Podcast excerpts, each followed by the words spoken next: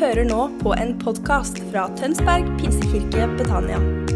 Vil du vite mer om oss, gå inn på betania.no.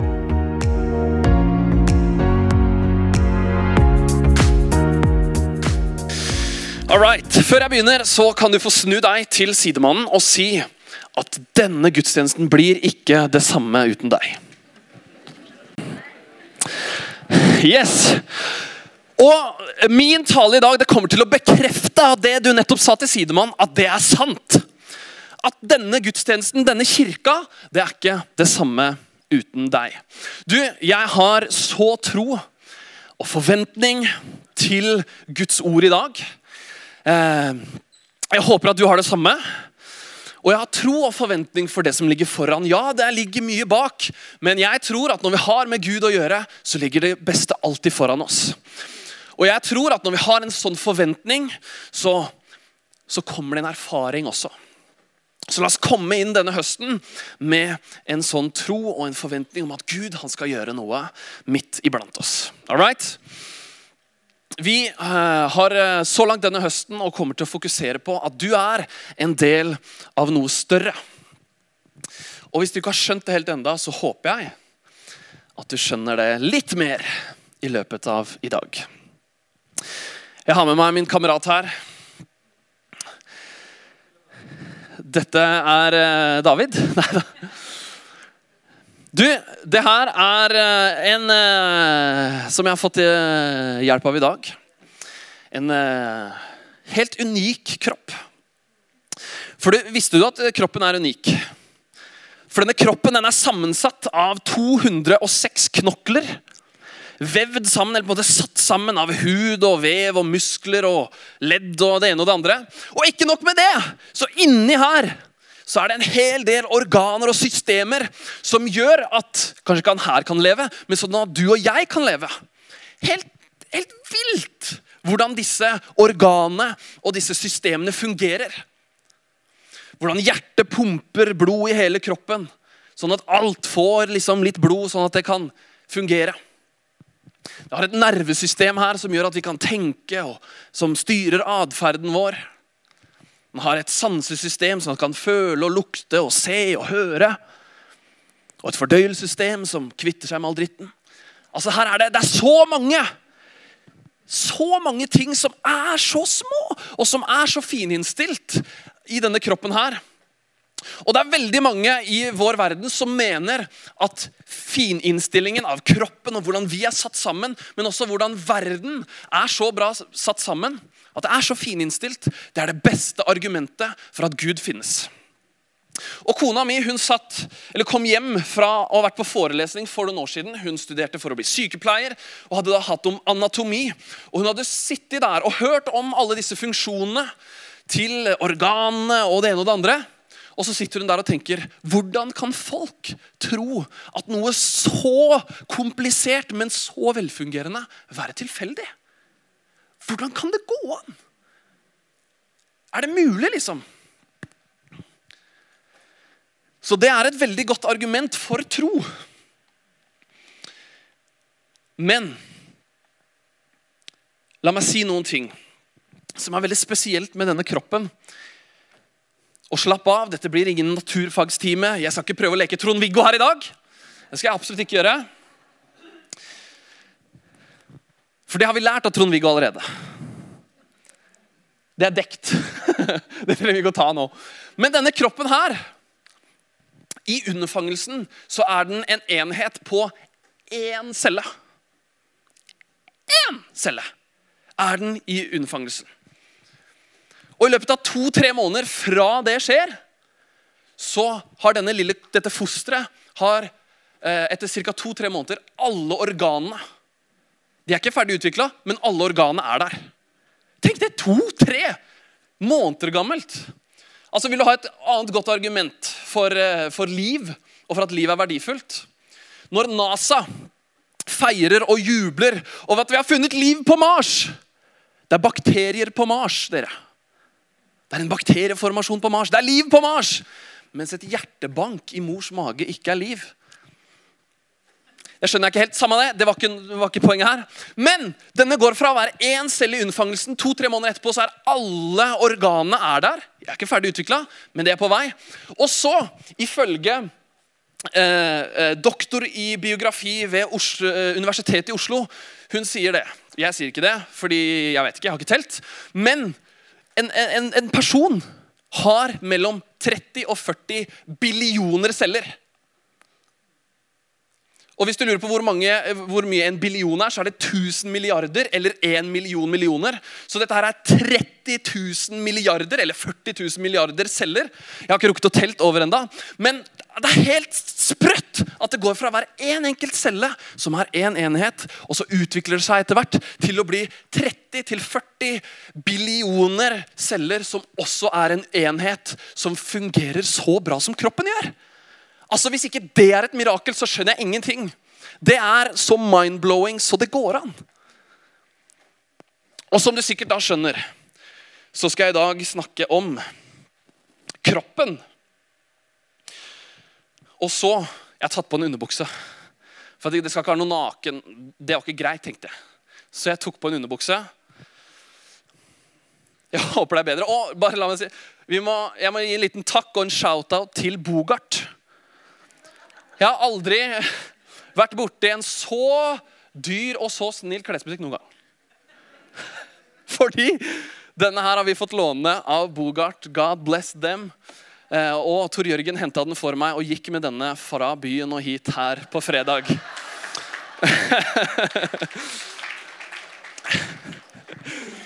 Så Bogart. Det er helt nydelig. Du, vi lever i en veldig individualistisk kultur. Jeg vet ikke om du har lagt merke til det, men veldig mye av det som foregår rundt oss, og også i våre liv, handler om meg og mitt. Og så har det etter hvert også blitt sånn, Jeg har sett noen tendenser at på en måte kirka og troen har blitt privat. At troen det er en privatsak. Nei, nei, nei, jeg vil ikke høre hva du tror. Nei, Religion nei, det snakker vi ikke om. Tro det er en privatsak, er det for veldig mange. Og så har man kanskje sagt det så mange år at ja, tro kan du gjøre i kjerka, sånn at til og med vi kristne tror bare i kjerka. Men sannheten er det at troen det aldri, skulle aldri være en privatsak. Vi har én felles tro. Og jeg tror virkelig det når jeg leser i Bibelen. Gå ut og hold det for deg sjøl. Og gjerne lås døra etter deg. Nei! Det er ikke det det står. Gå ut og gjør alle folkeslag til disipler. Døp dem og lær dem. Troen har aldri vært en privatsak, dere. Det er noe vi skal være stolt av. Det er noe vi skal, det skal ose av oss. Det skal stinke Jesus av oss. Troen var aldri ment til å være en privatsak. Og, og, men så merker jeg også det at, også med meg sjøl noen ganger, at når vi kommer til gudstjeneste, så handler det om meg og mitt. Jeg kommer til gudstjeneste for at jeg skal møte Gud. Jeg kommer til gudstjeneste fordi jeg skal få et ord fra Herren. Jeg skal komme på gudstjenestedag for at jeg skal synge mine sanger. Det jeg er glad i. Og jeg kommer ikke på gudstjeneste i dag fordi den taler. Eller jeg kommer i dag fordi de synger. Altså, Hva er det for noe? Hva i alleste dager? Men jeg gjør det noen ganger sjøl òg. Og det skal jeg omvende meg fra. Men det er aldri ment til å være noen privatsak. Dere, vi skal lese litt i Bibelen. I 1. Korinterbrev kapittel 12. Og vi starter med vers 12 og 13. Slik kroppen er én, selv om den har mange lemmer, og alle lemmene utgjør én kropp, enda de er mange. Slik er det også med Kristus. For med én ånd ble vi alle døpt til å være én kropp, enten vi er jøder eller grekere, slaver eller frie. Og alle fikk vi én ånd å drikke. Byen Korint Paulus skriver dette til menigheten som lå i byen Korint. og Korint var en, var en, by som var kjent for å være ganske sammensatt. Den var mangfoldig etnisk sett. Det var, det var jøder, det var hedninger, det var grekere. Det var liksom mange forskjellige folkeslag. Det ble drevet mye ulike religionsstyrkelse. Og ikke bare religionsstyrkelse, men også eh, mytologi og Man, man tilba kropper og sånne ting. Og menigheten i Korint er på en måte reflekterer demografien i denne byen. Og så er det veldig interessant at Paulus da skriver dette her, som egentlig er litt sånn På en måte litt sånn paradoksalt med den jødiske tankegangen. For jødene var et utvalgt folk fra Gud. De var hellige, de andre var ikke det. De var rene, de andre var ikke det. Gud hadde utvalgt disse. Men nå skriver Paulus noe som snur litt på det. Noe som utfordrer også oss her i dag. At de urene og de rene, de, den religiøse eliten og de som knapt har bedt en bønn i livet sitt, men som tror på Jesus, de er ett. Om du er slave eller om du er herre, om du er rik eller fattig, om du er dame eller mann. Vi er ett i Kristi kropp. Vi er én enhet.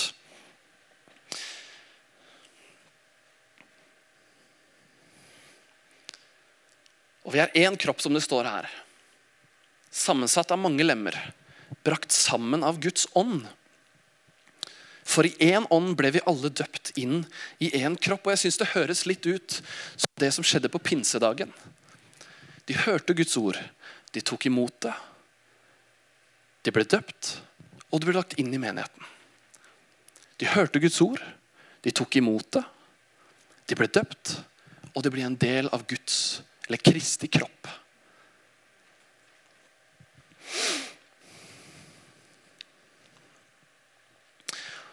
Og folkens, vi er ikke en menighet bygd på enighet. Men vi er en menighet bygd på enhet. For det som samler oss, det er så mye større enn det som skiller oss. Det vi er enige om, er så mye større. Nemlig at Jesus Kristus er vår Herre. Er det samme hva om man synger på engelsk eller swahili eller Samme, samme det! Det er én Herre som bringer oss sammen. Vi er en enhet forent i Kristus. Det er hodet på kroppen, Jesus Kristus, som bringer alle de ulike lemmene sammen til å bli én kropp. Enten om du liker det eller ikke, så er vi ett. Vi er én kropp, forent i Kristus. Og Da jeg forberedte meg, så, så kom jeg på en sånn, en, eh, sånn barne søndagsskoleforklaring av, av, av, frelse. Dere har kanskje hørt det på en måte Her er det et fjell.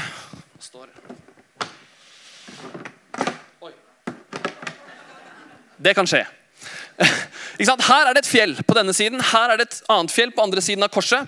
Og så er det et juv imellom. Og man, veldig ofte så, så, på en måte forklarer man det på søndagsskolen av at liksom, juvet, dalen, det er synd at vi faller ned. Og så er korset det som på en måte bringer oss og himmelen eller Gud sammen. Og så tenkte jeg også det, Hvis vi tenker det samme bildet Her er det et juv, her er det et fjell, her er det et fjell. Og så står jeg på denne siden. Så står Osvald på den andre siden. Og så er det korset som forener oss. Det er korset som bringer oss sammen. Jeg står på den ene siden, du står på den andre siden. Men det er korset som forener oss. Det er Kristus som gjør oss til én kropp.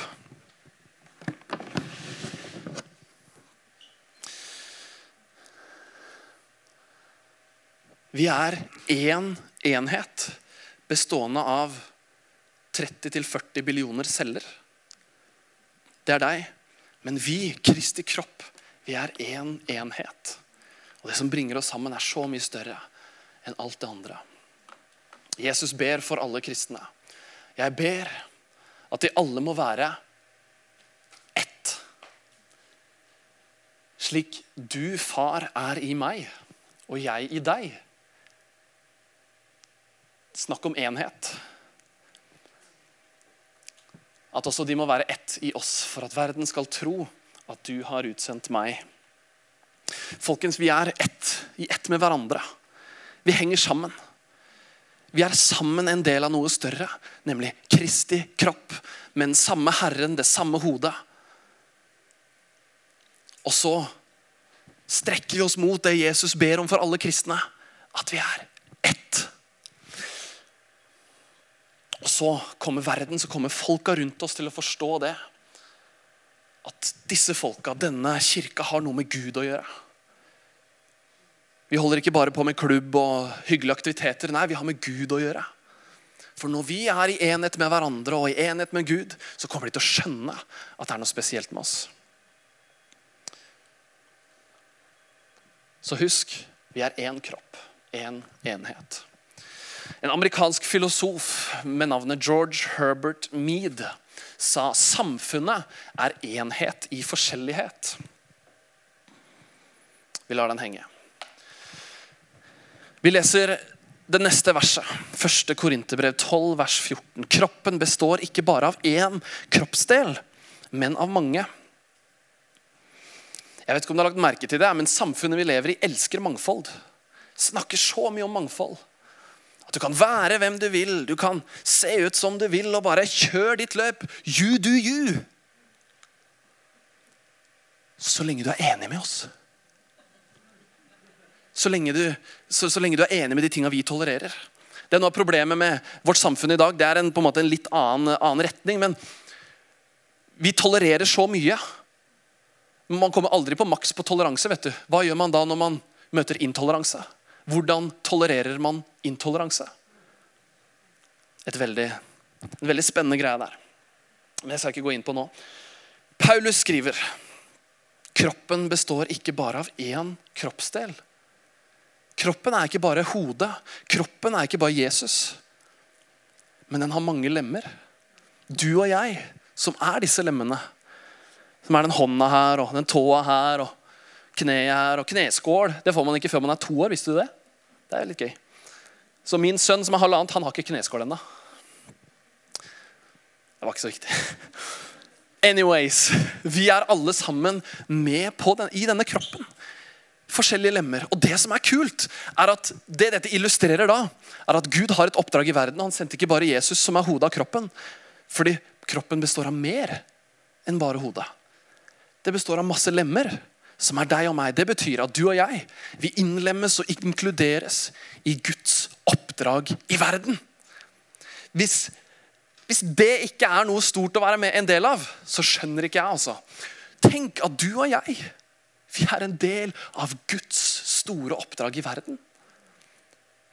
Tenk at Gud av sin nåde, av sin kjærlighet, ikke bare tok over hele greia, men han inviterer oss til å være med. Han plasserer oss på denne kroppen her. Og så får vi lov til å være med og spille vår rolle på Guds oppdrag i verden. Og da kan liksom ikke vi være sånn som Ja, men jeg har ikke lyst til å være en hånd, jeg. For kneet er jo så kult. Nei, alle har lyst til å være øynene. Ja, hva skjer da med luktesansen? dere? Eller hørselen? Eller hvis alle er skuldre, hva med da hofta? Det skriver Paulus om, om de versene videre. Og så kommer det et helt fantastisk vers. Gud har gitt hver enkelt lem sin plass på kroppen slik han ville det. Folkens, jeg holdt på å si, se på din egen kropp.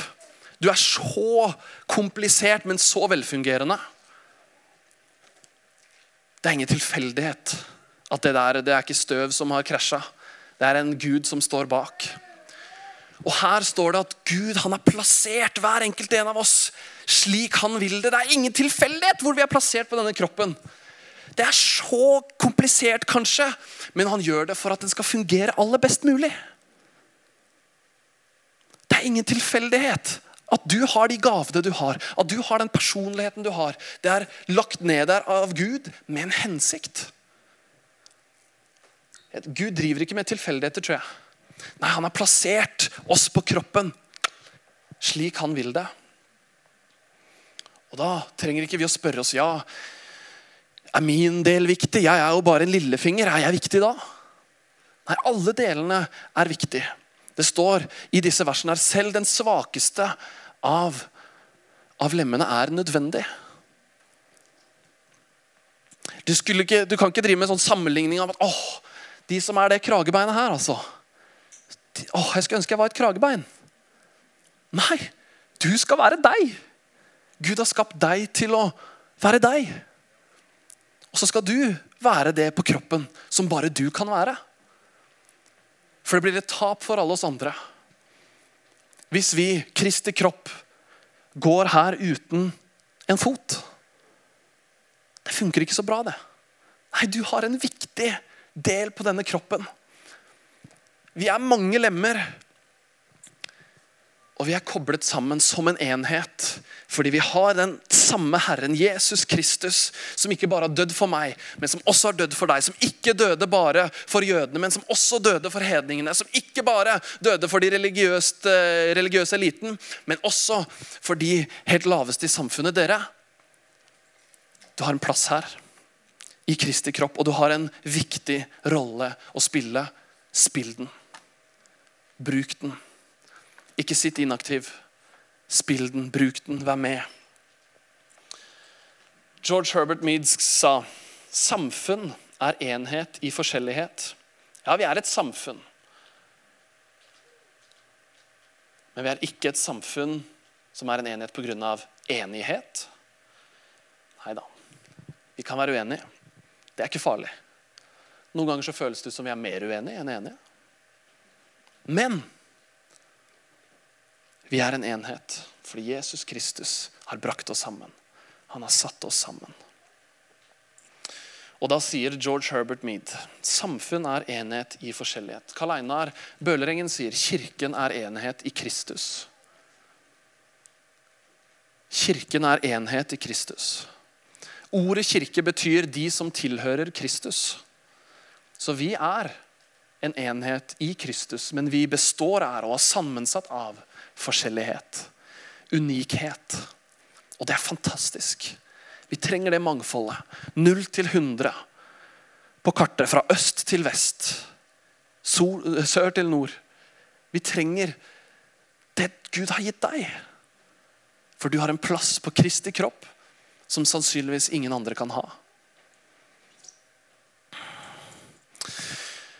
Så du er en del av Kristi kropp. Men så kan jo du stå der litt sånn her, men jeg, jeg er da ingen Jeg er jo ikke noe, ikke noe skryt av, jeg, liksom. Jeg er jo bare en bygdegutt fra Øyer. Hva godt kan komme fra Øyer? Ikke kan de lage bru og Det er veldig lett at vi, vi snakker oss selv ned. At vi tenker at ja, hva, skal Gud bruke meg til, da? Ja, folkens, Gud brukte et esel for å løfte inn kongen inn i byen. Så kan vi stå der og tenke det at ja, ja, det er flott med de der som holder på, men jeg, jeg det er ikke brukende til noe. Jeg er en skjør og ødelagt person. Karl Einar, du aner ikke hva jeg har vært igjennom. Jeg er ikke brukende til noe. Og Da kommer vi til det neste verset. Hva gjør vi når et lem lider? For om et lem lider, står det i 1. Korinterne 12, 26, i første delen av det verset. Hva gjør man når et lem lider? Hva gjør vi med denne armen som er skada? Tenker vi ja, ja, Nei, nå er han skada. Nå, nå, er han ikke brukende til noe. Han eh, Nei, ferdig. Eller kapper vi det av? Det er jo en ødelagt arm, tross alt.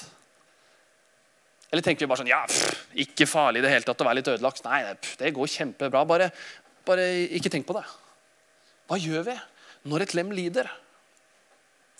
Og La meg fortelle en historie fra en vakker maidag nå i år. Det var helt nydelig vær. Og jeg og kona og sønnen vi skulle inn til Oslo for å være med på Descend Local. Og nå legger jeg fra meg den hånda her. Det tror jeg ble litt rart.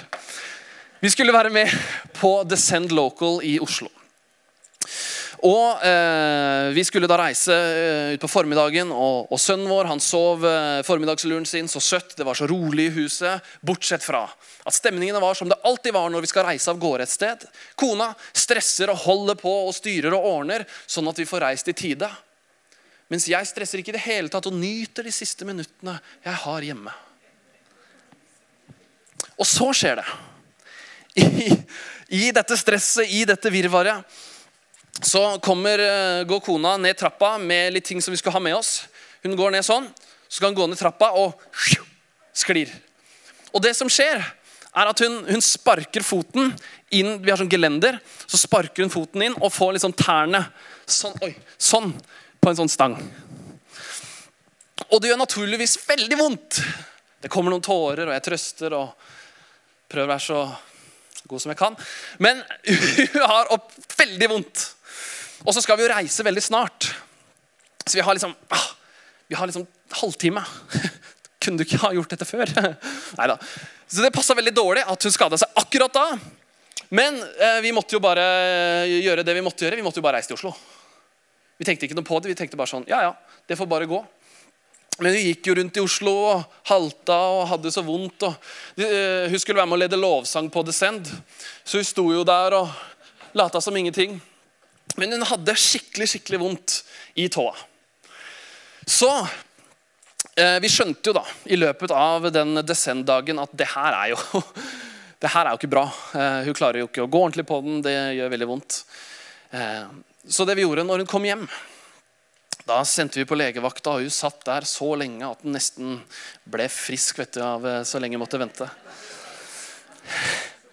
Men omsider så fant hun ut at den var brekt. Det var brekt et eller annet bein inne, inne liksom, oppå fotbladet der.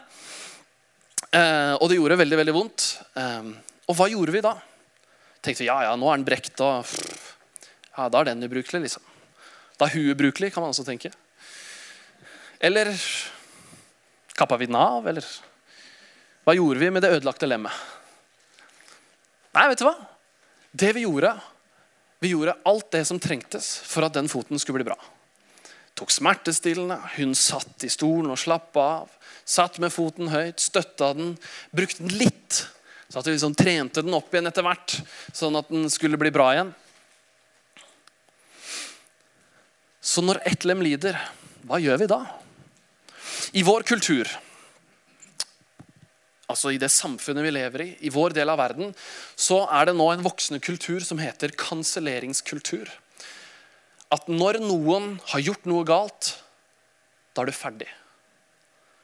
Ikke bare hvis du har gjort noe galt, men hvis du er uenig eller sier noe galt, eller er, noe er galt, så er du ferdig.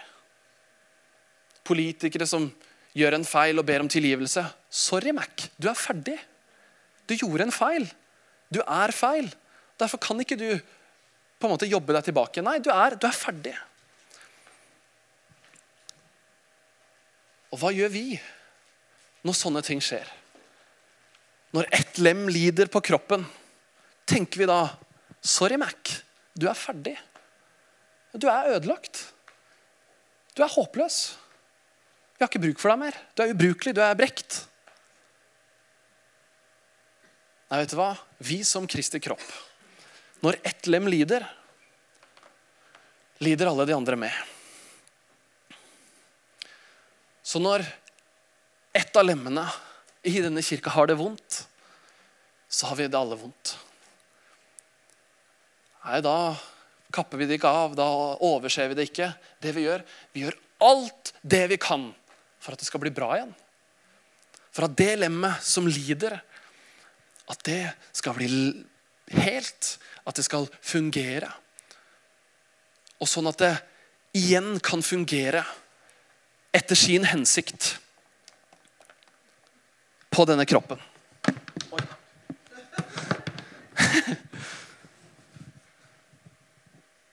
Dere skjønner at jeg skal sette den her på, på igjen nå. ikke sant? Vi ikke, altså Når et lem lider, så tar vi det ikke bort. Nei, Vi gjør alt det vi kan. Selv om denne bandasjen sitter litt sånn klemt nå, så gjør jeg alt jeg kan for å få tilbake på dette lemmet. Sånn at det kan fungere igjen. Så når ett lem lider, dere, så er vi Kristi kropp, resten av Kristi kropp en enhet. Bestående av mange lemmer. Vi er forskjellige. Det er fantastisk. Men når ett lem lider og har det vondt, da samles vi alle sammen og gjør det vi kan for at det lemmet får det bra igjen, og sånn at det kan igjen settes inn på kroppen og fungere. Det er det vi gjør. Koste hva det koste vil.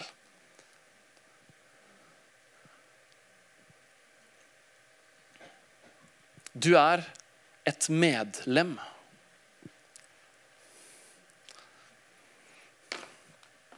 Du er et medlem på Kristi kropp. En del av Guds store oppdrag i verden. Og Du kan sitte her og tenke ja, ja, jeg har nettopp kommet til tro. Ja, du er en del av det. Eller du tenker ja, jeg har holdt på med dette i 60 år og jeg har bedt om vekkelse. det enda ikke har skjedd. Du har en rolle å spille. Alle de bønnene du har bedt i 60 år, fortsett med det. Det kommer.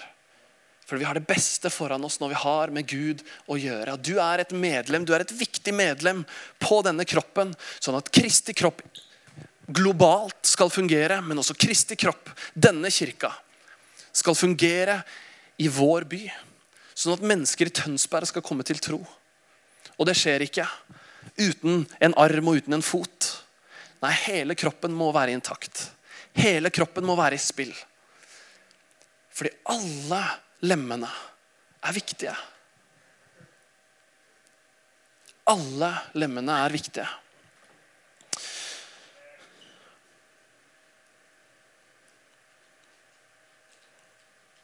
Låsangsteam, dere kan komme på. I det siste verset jeg skal lese i dag, der står det dere er Kristi kropp, og hver av dere er et lem på Han.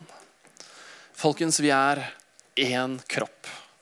Vi er én kropp med Jesus som vår Herre, som hodet på kroppen. Og du har en rolle å spille, fordi du er et av disse lemmene på denne kroppen. Og den fungerer ikke uten en arm. Den fungerer ikke uten en fot. Til og med lilletå, som er så liten og virker så ubetydelig, er så viktig for å holde balanse. Du har en viktig rolle å spille. Og vi, er, vi må forstå det, folkens, at vi er én kropp, forent i Kristus. Men så består vi av så mange ulike deler, så mange ulike gaver og personligheter, sånn at vi sammen er et salig kaos noen ganger, men en fantastisk funksjonell kropp. Kirken er enhet i Kristus, men bestående av forskjellighet. Og det er fantastisk fint. Du er et medlem. Du er en del av noe større enn deg sjøl. Kristi kropp er du en del av. Guds store oppdrag i verden er du en del av. Eh, jeg har lyst til å dele noe helt til slutt. Eh, et, eh, en sang som jeg ble minnet på her på, på vårparten. Eh, for Da jeg gikk på bibelskole, så var vi med på, på en sånn økumenisk, altså felleskirkelig uke som het Bønn for Oslo. Og Da skulle vi synge i et kor. Um, og Da skulle vi ha noen øvelser. Det koret var sammensatt av bibelskoleelever og noen gamle travere. Og litt sånne ting. Og En av mine kompiser um, han satt sammen med en av disse gamle traverne. og Det var uh, fantastisk gøy. Og Så skulle vi synge en sang som het 'Reis deg, Guds menighet'. Og Petter han satt der sammen med jeg husker ikke hva han het, men en gammel kar. Og så Når vi begynner å synge 'Reis deg, Guds menighet' på den øvelsen, så gjør Petter sånn. Han reiser seg. Og 'Reis deg, Guds menighet', liksom. Og Da blir jo disse gamle traverne med. Så de også reiste seg. Og så var det litt sånn spøkent. Det var litt tull. Men så tenkte jeg på her i vår Etter hvert som jeg har involvert meg mer i den kirka her, for dere som vet, dere vet. Men jeg opplevde det at Vet du hva, Det har ingenting å si egentlig om jeg reiser meg eller ikke. I det store bildet har det ikke det. Sorry, Osvald. Det har ikke så mye å si om du reiser deg heller. Men det jeg har lyst til å si, det som har noe å si, er reis deg, Guds menighet. Det har noe å si. Det hjelper ikke om Osvald Kragebeinet er på plass og fungerer og jobber som bare det, om ikke resten av kroppen er med. Det hjelper ikke om jeg, som er neglene her, er på plass, hvis ikke resten er med. Og da har jeg lyst til å si reis deg, Guds menighet. Vi trenger alle. Og vi er en del av det der. Guds store oppdrag i verden. Det er fantastisk. Og da har jeg lyst til å si Vil du være med på det? Vil du være med å reise deg? Vil du være med å spille din rolle i Kristi kropp? For det er ingen andre som kan spille den for deg. Nå skal vi lovsynge, så da sier jeg 'reis deg, Guds menighet'. For nå skal vi lovsynge. Men helt seriøst, reis deg, Guds menighet.